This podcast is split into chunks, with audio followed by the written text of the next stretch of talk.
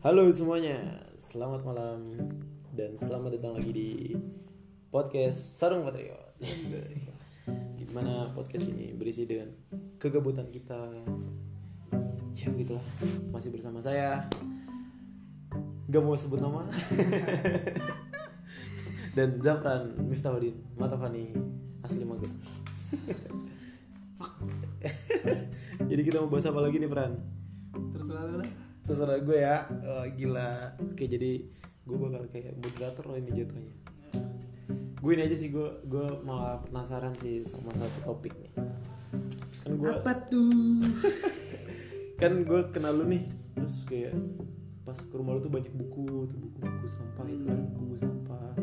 Terus lu juga punya apa ruang guru apa apa sih Cuk? ruang tunggu.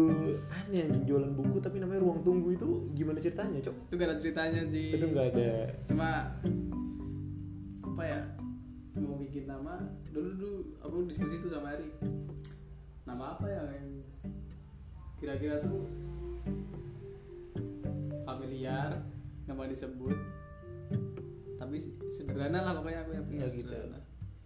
Kayak dulu aku pas itu referensinya kayak payung teduh payung teduh udah gitu Oh, gitu. Iya, iya. dan ketemu ruang tunggu ruang tunggu apakah podcast kali ini disponsori oleh Oh, ruang jelas. tunggu alhamdulillah sudah dapat cuan adsense adsense gila ya kalian eh, jangan lupa follow ruang tunggu Instagramnya ruang tunggu dot red Hah? Dot? red RID itu apa? Nah, Oh, RED iya red red RID anjing. Ya. udah gitu aja. Udah gitu aja. Terus sebenarnya tuh apa yang lu suka dari buku kan sampai akhirnya bisa apa namanya?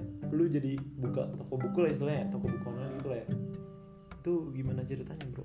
Bisa tiba-tiba terjun ke sana? Nggak tahu ya. Dulu tuh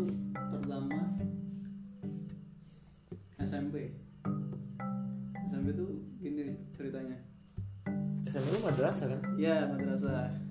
Nah awal-awal tuh malah buku yang pertama kayaknya tapi yang gue baca tuh malah ini Andrea Hirata Laskar Pelangi gitu gitu. oh iya iya kayak bukunya Faris tuh Iya. Betul sekali.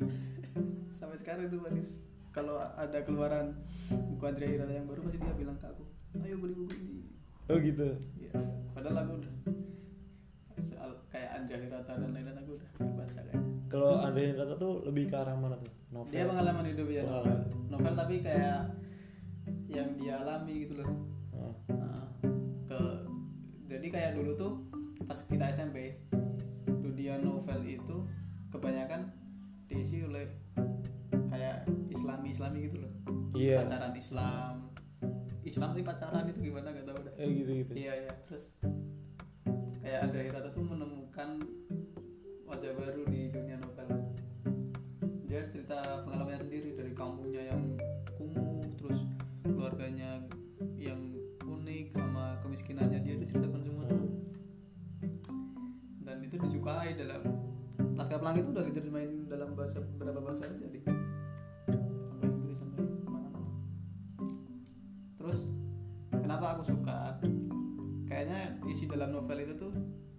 aku banget gitu loh. Kayak Aja. orang mimpi orang gak punya apa-apa tapi mimpi ke backgroundnya juga sama ya agama-agama gitu gak sih? Ada iya yang- dia dia sebenarnya kalau nyinggung agama enggak sih tapi kayak budaya dia di kehidupannya ya gak sih? Jalur ceritanya tuh. Kehidupannya di kampung tuh ya namanya kampung ya pasti ada kayak soal abis ngaji ceritanya kayak Iya. abis ngaji abis sholat berjamaah gitu gitu nah kayaknya wah ini ceritanya aku banget nih Sor terus apa nih sambung mimpi Hmm, yang terakhir Maria Makarpov tuh aku udah katam semua SMP mantap. Habis itu SMP tuh terus SMA aku lebih gila lagi baca bacanya gitu. Baca baca buku-buku pinjam perpus dan lain-lain. Novel, lebih novel. nah, aku dulu sukanya novel. Bukan buku pelajaran kan buku pelajaran tidak berlaku buka. Oh iya jadi spesifiknya ini buku ini lebih ke novel ya bukan buku bacaan pokoknya buku buku bacaan, bacaan bukan buku pelajaran yang sulit untuk dibaca. Gitu gitu, gitu. sampai aku menemukan jurusan teknik kimia itu malah dari novel cuy dari novel sumpah iya. Novel jadi apa, kelas? 2 SM SMA tuh aku baca satu novel teknik dia yang yang ngarang teknik kimia undip. Undip? Undip dia bikin cerita gitu soal apa kayak dia mau jadi ada tiga orang nih ceritanya aku masih ingat Iya. banget tiga orang dua cowok naksir satu cewek dua cowok naksir satu cewek Iya. Ceweknya ini lebih suka temennya daripada dia. Jadi dia jadian. Iya, gitu. iya, paham. Nah, terus dia kan nggak terima gitu loh. Ini harus jadi jadi milik gue nih. Habis itu dia nerapin di teknik kimia tuh. Jadi dia itu mereka bertiga tuh jurusan teknik kimia tuh ceritanya kalau nggak aku nggak ingat kalau yang Oh, iya. yang yang pokoknya yang satunya ini yang tokoh utamanya ini. Yang itu teknik kimia banget gitu. Ah. terus dia meneliti sebenarnya apa sih yang disuka dari seseorang dua orang yang saling suka itu apa faktor kimianya lah kimianya apa? Mana masuk cuk? Masuk. Serius lu? Dia ada namanya feromon. Feromon itu bau tubuh. Oh gitu. Salah satu yang bisa kita itu kimia ya? Bukan karena biologi ya jatuhnya? Kimia. Oh kimia. Cuk. kayak cairan. Parfum parfum pribadi loh bahasa Oh, parfum yang lu iya. keluarin dari tubuh biar si cewek tuh suka gitu ciumnya ya? Ah. jadi jadi ada penelitian dua kalau dua orang yang saling pacaran tuh dia punya khas tubuh masing-masing yang saling suka saling suka gitu. Hmm. Jadi dia meneliti itu udah habis itu yang cowoknya ini yang cowok yang pacaran temennya yang pacaran sama ceweknya Hmm. itu dibius asu di view dibius terus diculik. Habis itu dia kayak diekstraksi loh tapi Ah. diekstraksi bau tubuhnya diekstraksi sumpah jadi satu botol. Terus dia terapin ke, ke dia minum dia terapin ke badannya. Jadi ceweknya naksir sama dia gara-gara bau tubuhnya. Itu fuck lah itu Itu aku jadi udah lupa judulnya apa tapi aku si, ce- si ceweknya jadi suka tuh? Iya jadi suka. Lah akhir-akhirnya ketahuan tuh kalau dia tuh ternyata yang nyulik cowok-cowoknya tuh dia dan terus cowoknya dibunuh nggak? Kayaknya enggak. Oh, ini hilang lagi tiba-tiba hilang gitu ya? Nah, Anjing. bisa gitu ya dari sebuah buku terus menentukan jurusan teknik kimia. Terus aku minum ini, wajir di bagus banget tuh buku. Maksudnya lu gak ya kalau lu ya yang pertama dulu kimia tuh paling apa sih? Atom dan lain iya atom terus dulu SMA tuh apa sih? Terus ngitung bilangan oksidasi ya gitu-gitu tuh. Terus lalu itu kan kalau pelan pelajaran kan bilang wah apa sih itu nggak kelihatan gitu loh. Nah terus aku menemukan kimia di kehidupan ini mulai dari itu. Terus wah keren juga nih jurusan. ya udah gue aja. Tak tulis tuh di ini. Jadi kan kamar kalau kamar asrama tuh ada dua gini tuh dua kasur. Iya. Tingkat gini kan. Tingkat gitu. aku yang bawah terus yang atasnya tuh tak tulis gitu teknik Oh. kimia. Terus dua, dua kelas kelas dua SMA SMA kelas 2 SMA Fuck lah. Terus sampai akhirnya lu terjun sekarang ke teknik ya kimia dan saya menyesal. Sudah Saya kuduga. menyesal. Terus dari situ masih sering-sering baca buku tuh masih baca buku sampai kalau baca buku udah kayak apa ya hobi sih ya Hmm. hobi gue tuh kalau gue ya kalau gue tuh buku pertama yang gue sentuh ya gue tuh nggak nggak tahu ya masalah Hmm. makanan gitu gue dulu gue kerjanya ngapain juga gue nggak tahu dah terus gue minjem iseng iseng minjem tuh terus gue di- dikasih minjem buku 5 cm Ya. tapi itu udah ada filmnya sebenarnya udah, Ah. udah ada filmnya tapi gue baru terus gue lihat kan anjing bukunya tebel banget males kan gue baca iya tahu lah. terus gue baru baca terus bagian yang gue ulang-ulang tuh cuman yang bagian G string play G string gitu kan sih kayak tahu. diperanin Pevita Pierce itu Iya. udah tuh nggak jauh dari G string play G string abis itu gue nggak mau baca lagi males banget bacanya cuy anjing itu bagian yang gue inget-inget. Pevita Pierce ingat itu.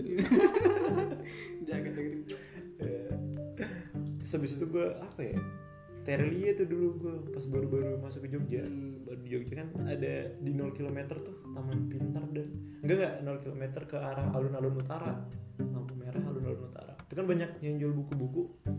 Terus gue nemu buku. Ah, oh iya tahu Tahu kan? ah, tahu.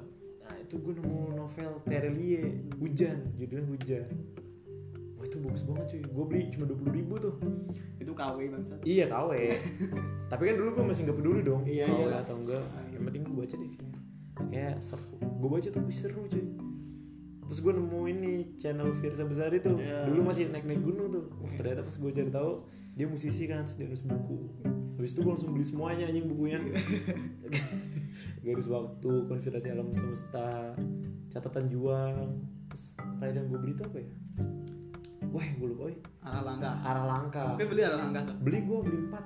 Arah langkah ada tanda tangannya Firsa Besari terima Oh, kasih. Tapi abis itu gue udah nggak beli beli buku lagi sih. Paling pinjem pinjem gitu sih. Tapi setelah banyak buku yang lu baca tuh ada ini gak sih? Ada yang ngerubah hidup lu gak sih? Atau pola pikir lu? Jadi mem- memandang sesuatu tuh dari referensi dari buku-buku yang pernah lu baca gitu itu ngaruh gak sih sebenarnya? Nggak ngaruh dah Gak ngaruh ya. Kenapa anda baca buku bang? Kalau tidak ngaruh sama sekali? enggak jadi gini. Eh, lebih kayak lebih terbuka aja sih bahwasannya. Soalnya aku ya dari dari kecil tuh kayak nggak ini rul. Ya tau lah orang. Jangan panggil Rul. Nama saya bukan Rul. dari kecil tuh nggak ini. Kayak udah ya udah hidupnya lempeng aja.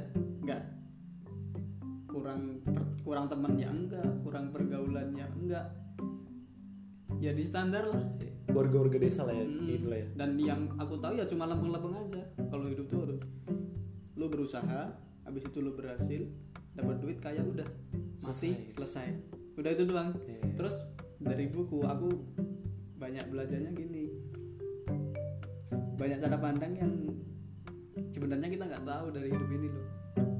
Tapi kan enggak itu kan bukan sebenarnya kan karangan dong. Sebenarnya ada yang nyata ada yang enggak dong. ya makanya Terus kalau buku-buku yang enggak nyata tuh lu ikutin juga gak sih? makanya gini dulu yang pertama dulu referensiku aku tuh novel novel gitu jadi kayak cerita cerita bohongan novel kan bohong nih Bohong dong. nah cerita cerita yang dilebih-lebihkan gitu gitu gitu nah akhir akhir awal awal kuliah tuh aku udah referensiku udah buku-buku non fiksi kayak gini gini nih ini kan non fiksi Ya, itu apa sih? Filosofi teras itu ya? Itu ya? filosofi teras Iya. terus Gue baca reviewnya doang. nah, terus itunya apa Itu apa? Kimia murni. Tidak ada buku kimia di kosan Oh, saya oh itu buku bimbingan, buku bimbingan.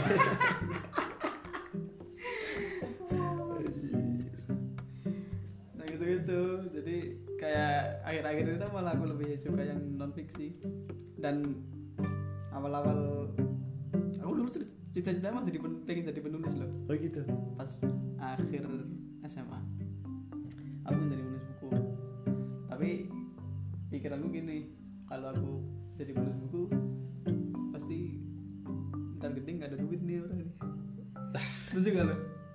Iya kalau dulu mikirnya gitu, tapi kalau sekarang kita lihat kayak siapa sih namanya? Putut eh apalah itu. Nah gitu loh soalnya buku bacaan dan lain-lain di soal literasi di Indonesia tuh masih Masih rendah lah ya iya, minat kurang, minat kurang kurang dihargai gitu loh. kurang dihargai setuju sih. Kayak gue tahu eh, penulis komik, penggambar komik di Indonesia ada yang menghargai enggak? nggak ada. Tapi di Jepang Iya, itu tahu. wah, itu profesi paling di ini dikagumi orang lah. Gitu-gitu. Oda Oda Oda Sensei One Piece. Aku cinta One Piece. nah gitu gitu jadi di Indonesia tuh kayak soal literasi dan lain-lain nggak nggak ada yang peduli Hmm. dulu kalau aku ya aku pengen idealis tapi ya mikir kapitalis juga lah Iya. Iya, kalau nggak bisa makan nih kalau ini. terus aku memutuskan ya udah lah teknik kimia aja biar dapat duit banyak tuh harapannya Harapannya. Ya, tapi bukannya dulu lu pernah bikin buku itu ya kayak kumpulan puisi-puisi gitu masih bener gak sih? Gue tuh taunya dari siapa ya? Gue lupa deh. dulu pernah aku tak kasih ke Eri tuh dulu. dua kali aku ngasih buku ke Eri buku puisi ya Apakah dibaca oleh Eri? iya dibaca dong Eh, harus iya. dibaca Anjing Eri mulu yang kesebut nih pendengar ya podcast Sarang Patriot.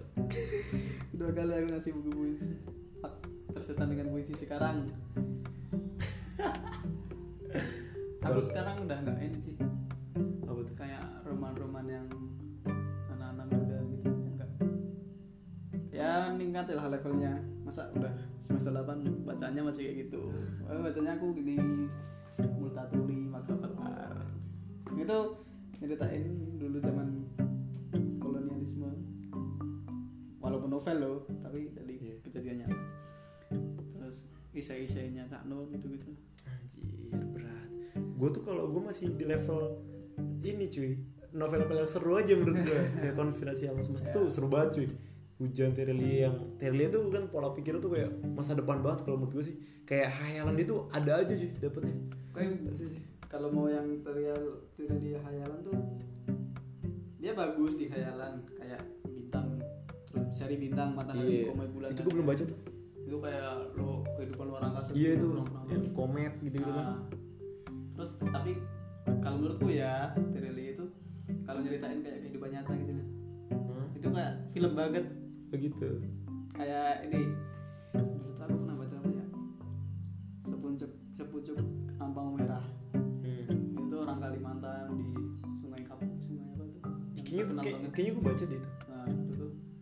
Terus dia kenalan sama orang Cina dari Surabaya terus Hah. dia tiba-tiba ke Surabaya. Kayaknya lu salah judul deh cuy sepucuk ampang merah. Oh iya itu ada ada ceritanya gue baca gue baca. Gue lupa nggak judul.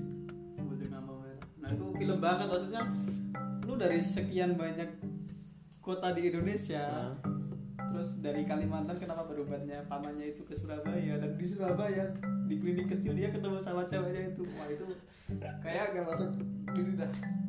Ya itu yang gak suka. Tapi seru dia membawakan kalimatnya seru seru. Seru Ah, apalagi di film hujan tuh dia menggambarkan masa depan tuh cuy. wah anjir kayak kereta cepat banget. Terus virus kalau nggak salah tuh dari eh virus apa namanya?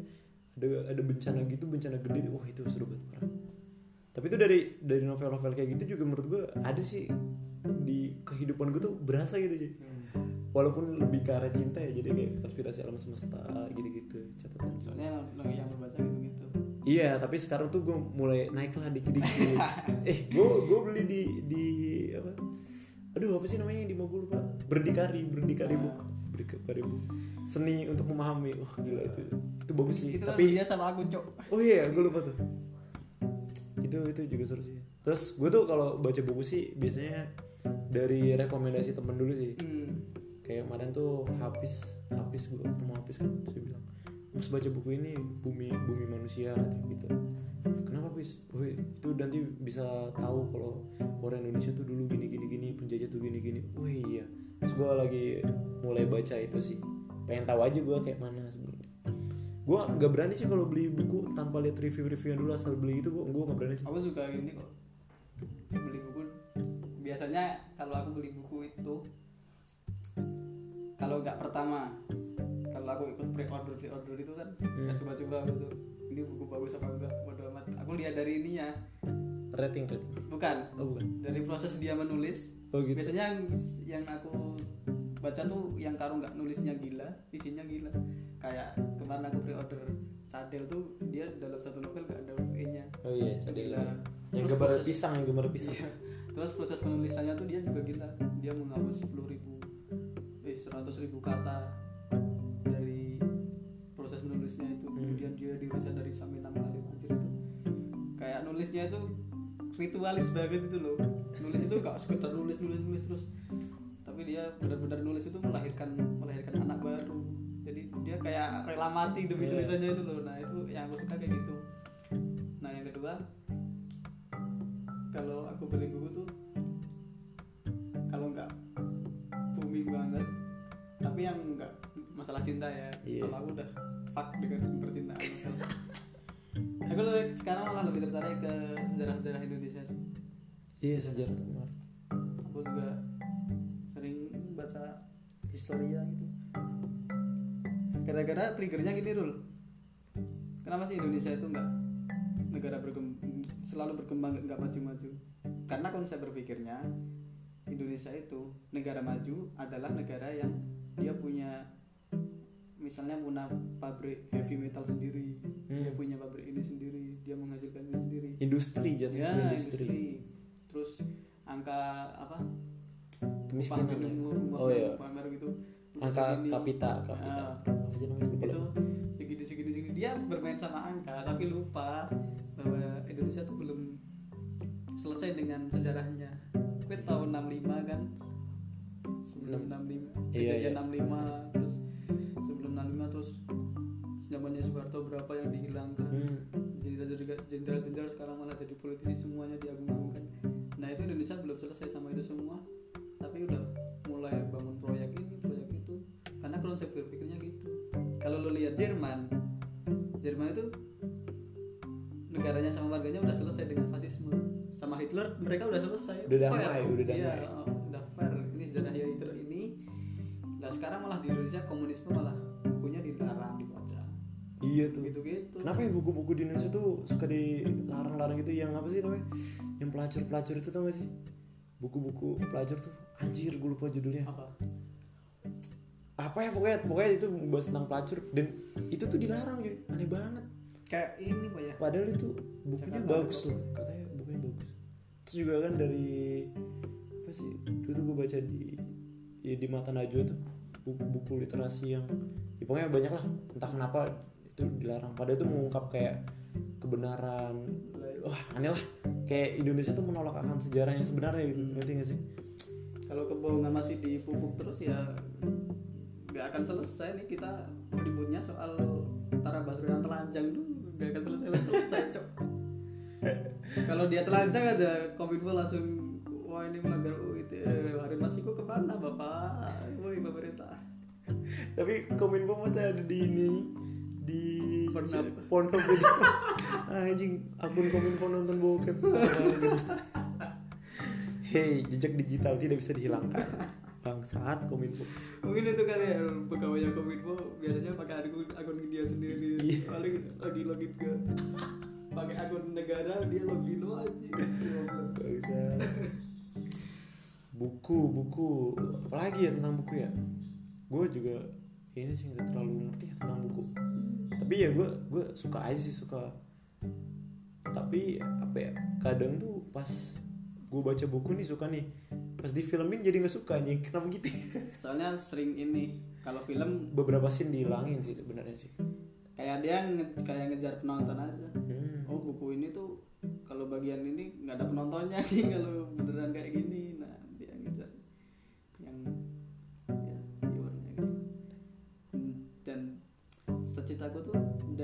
masih sama sampai sekarang masih banyak. Ngomongin tentang nulis nih ya tulisan pertama gue tuh pas SMA cuy. Pas ujian praktek bahasa Indonesia.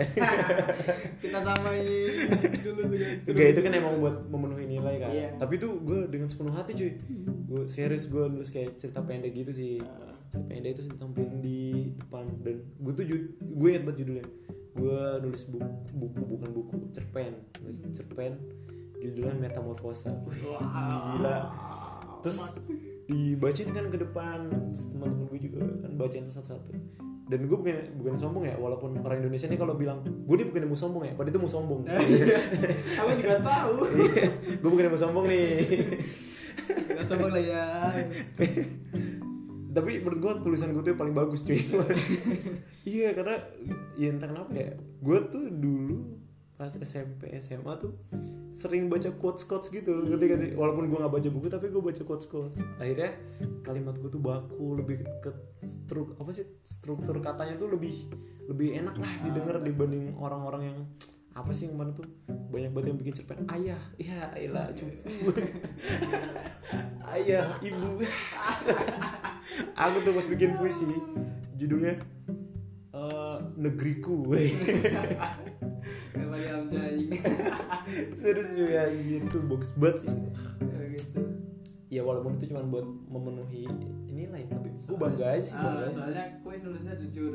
Jujur tuh Ah, emang jujur. dari ini keresahan keresahan sendiri. Kalau aku dulu ujian madrasah malah gak ceritaku kayaknya gak bagus-bagus sama soalnya aku dari pas ujian madrasah itu aku udah tahu tuh struktur novel tuh harusnya gini alurnya harus Hmm. gini awalnya gini endingnya lu harus gini terus puncaknya klimaksnya lu harus gini. Jadi aku nulisnya tuh karena itu struktur itu. Jadi Hmm. malah jadinya gak, gak bagus.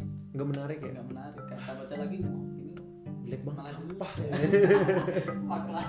Ya, tapi udah tahu itu- struktur-strukturnya Iya. itu jadi wah. Berarti lu gak, gak jujur ah. ini terlalu tinggi tapi itu kan proses pembelajaran bro.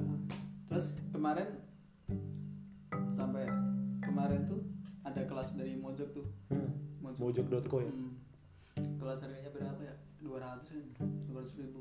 Cuma sehari doang sih itu kelas apa? Kelas cara nulis. gitu? Oke ini kayak kalau Ernest tuh buka kelas film gitu deh nah kayak gitu kayak gitu. Semacam itu ya? dua ratus ribu aku daftar sehari. Lu daftar tuh? Ha-ha. nginep gitu? Ikut di UAD sehari doang kok dari pagi sampai sore. Oh gitu sampai maghrib di UAD cuy pertama kali masuk UAD tuh anjing. Lift semua isinya. Oh? Isinya lift. Wadi kampus yang baru itu yang masjidnya bagus banget itu? Iya itu UAD 4 ya? oh juga gede banget iya. Oh gede banget kampusnya. Wadi aku cinta Wadi islami sekali. Islami sekali tapi sangat hedon bagus bagus bagus. Gitu terus ikut itu WhatsApp. Ada tuh yang ada di WhatsApp sama Sojiwo Tejo sama Seno. Seno Gembira di Jerman Haji Dharma nah Seno tuh malah yang yang kayak membuka mataku loh. Kalau ternyata di dunia nulis tuh enggak. Kalau Seno itu nulisnya gila banget cuy. Kenapa tuh? Kayak senja senja tapi di dibungkus di amplop terus dikasihin pacarnya. Gitu. nah pertama kali aku baca itu anjir nih cerita apaan sih? Kayak kota ntar diserang darah banjir darah terus ada istri yang dibawa pulang. Suaminya tuh pulang bukan bawa duit tapi bawa mata-mata mata-mata orang gitu loh dia bunuh orang terus dibawa pulang itu hayalan Sama kayak. Terelie gitu dong jatuhnya Iya tapi dia radikal banget sumpah. kelasnya lebih tinggi lah ya lebih berani lah ya lebih berani Terus aku kayak kebuka mata anjir. Ada cerita kayak gini loh orang begini, bikin cerita kayak gini. Terus malah, wah gila. Tuh emang dia backgroundnya guru besar filsafat sih. Jadi ya, ya ceritanya ya kayak gitu kayak gitu. berat juga ya bro baca filsafat aku tuh baca filsafat tuh kan pengantarnya tuh katanya tuh dunia dunia Shopee Ah, nah dunia Shopee tapi kan itu tebel banget cuy aku nggak kuat. tuh. Aku nah itu katanya 300. katanya tuh kamu baca review-reviewnya kan katanya tuh kalau lu baca dunia Shopee terus kayak lu berapa ratus halaman tuh lu masih bosen masih nggak dong apa-apa Hmm. terus nanti ke sana sananya baru dong tapi dikit lu harus baca berkali-kali gitu lah gue akhirnya gue nurunin. Gak dunia Shopee tapi dunia anak. Lu tahu gak sih dunia anak? Nah itu gue baca itu itu seru juga sih. Jadi, keren keren. Menanyakan gue menanyakan siapa dirinya sendiri. Hmm, dunia sob itu aku udah sampai halaman 300 an udah gak kuat. nah itu. Katanya Karena dia katanya itu sampai halaman 400 kurang 100 karena dia ini menceritakan filsafat Hmm. tapi dari kayak textbook gitu. Maksudnya lu nih pulang sekolah pulang sekolah dapet surat dari orang nggak dikenal terus lu baca. Nah bacaannya itu tiba-tiba lu siapa dari anda? Siapa dari iya iya iya terus- gitu gitu terus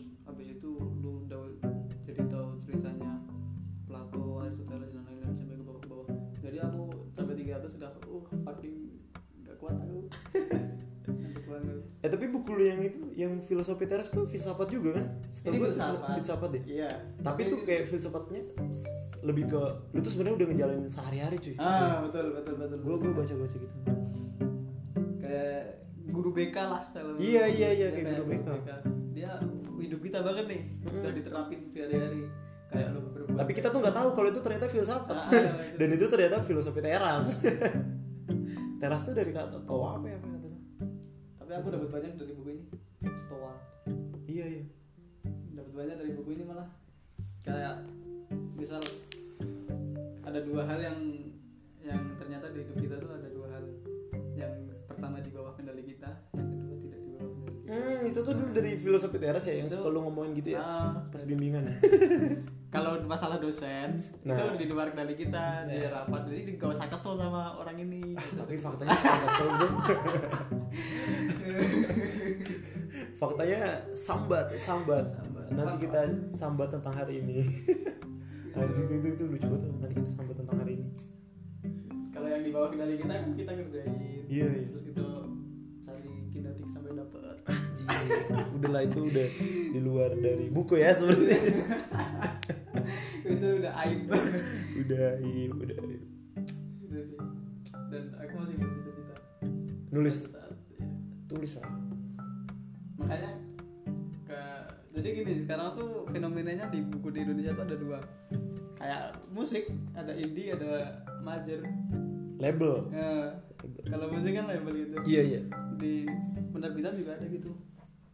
Kalau yang masuk major itu kayak punya harus punya standar dia ada editornya bagus. Berarti kalau labelnya di buku tuh pakai media kita gitu, -gitu ya bukan ah media kita iya Kita. itu Erlangga Erlangga Erlangga pembelajaran cok Iya, maksudnya itu namanya label dong berarti kan? ya label kalau yang major tuh kayak diva press bahasa basi jadi lu Oh, bahasa bahasa ya? hmm. jadi jadinya lu nyerahin naskah udah nggak bayar pencetakan seleksi sama editor yang diterima tuh langsung dicetak diperbanyak Bagi hasil tapi ya. hmm, di lu udah dapat royalti dari Iya, royalti. jualan itu tapi kalau indie dan tahu sendiri namanya di kue nyerahin ke penerbit ya udah penerbit ala kadarnya. Yang penting lu bayar dan nggak ada yang standar kalau ini tuh bukunya bagus ini enggak itu. Jadi sekarang banyak banget tuh yang bikin buku tapi dari indie gitu. Hmm. jadi nggak ada ya buku-buku itu buku kayak dia suka sama artis Korea dan lain-lain dia ceritain tuh di buku dia terbitin sendiri dia bikin semuanya jadi nggak ada standar yang oh buku ini bagus terus aku pengennya aku tuh untuk mengukur aku bisa menulis apa enggak kalau aku udah tembus belajar Wajir, lu malah mau ke major dulu berarti? Iya, aku nggak mau sama kalau mau latihan jangan ke indie. Kalau mau latihan aku bikin blog sendiri. Setiap aku nulis caption di Instagram harus lu harus terstruktur kata-katanya. Nah gitu-gitu aku latihan. Gila, gila, gila, gila. Jangan lupa add Instagram ya. Itu. Iya. Captionnya nih gokil. Eh. Itu ya ya, semoga tercapai lah dalam dekat-dekat ini. kamu kan kalau dulu, dulu. Tapi kalau ngomongin bikin buku ya, setahu gue tuh komting kita tuh mau bikin buku cuy. Jadi dia tuh? Enggak enggak seriusan. Jadi buku tentang angkatannya. Nah, Angkatannya dulu tuh kan gue ngontrak bareng nih. Hey Gio, apa kabar? terus Jadi dia tuh setiap ada momen, setiap ada uh, apa ya kayak kejadian-kejadiannya, entah terduga atau enggak terduga, dia tulis tuh di laptopnya. Katanya, katanya nih ya, katanya gue spoiler nih ting. katanya suatu saat itu bakal mau dijadiin buku sama dia. Dan itu bisa jadi kenang apa ya istilahnya memori lah memori buat nanti kalau kita udah lulus kalau kita mau ingat-ingat oh kita ada di situ tuh tapi gue yakin cuma buat yang aktif saja nih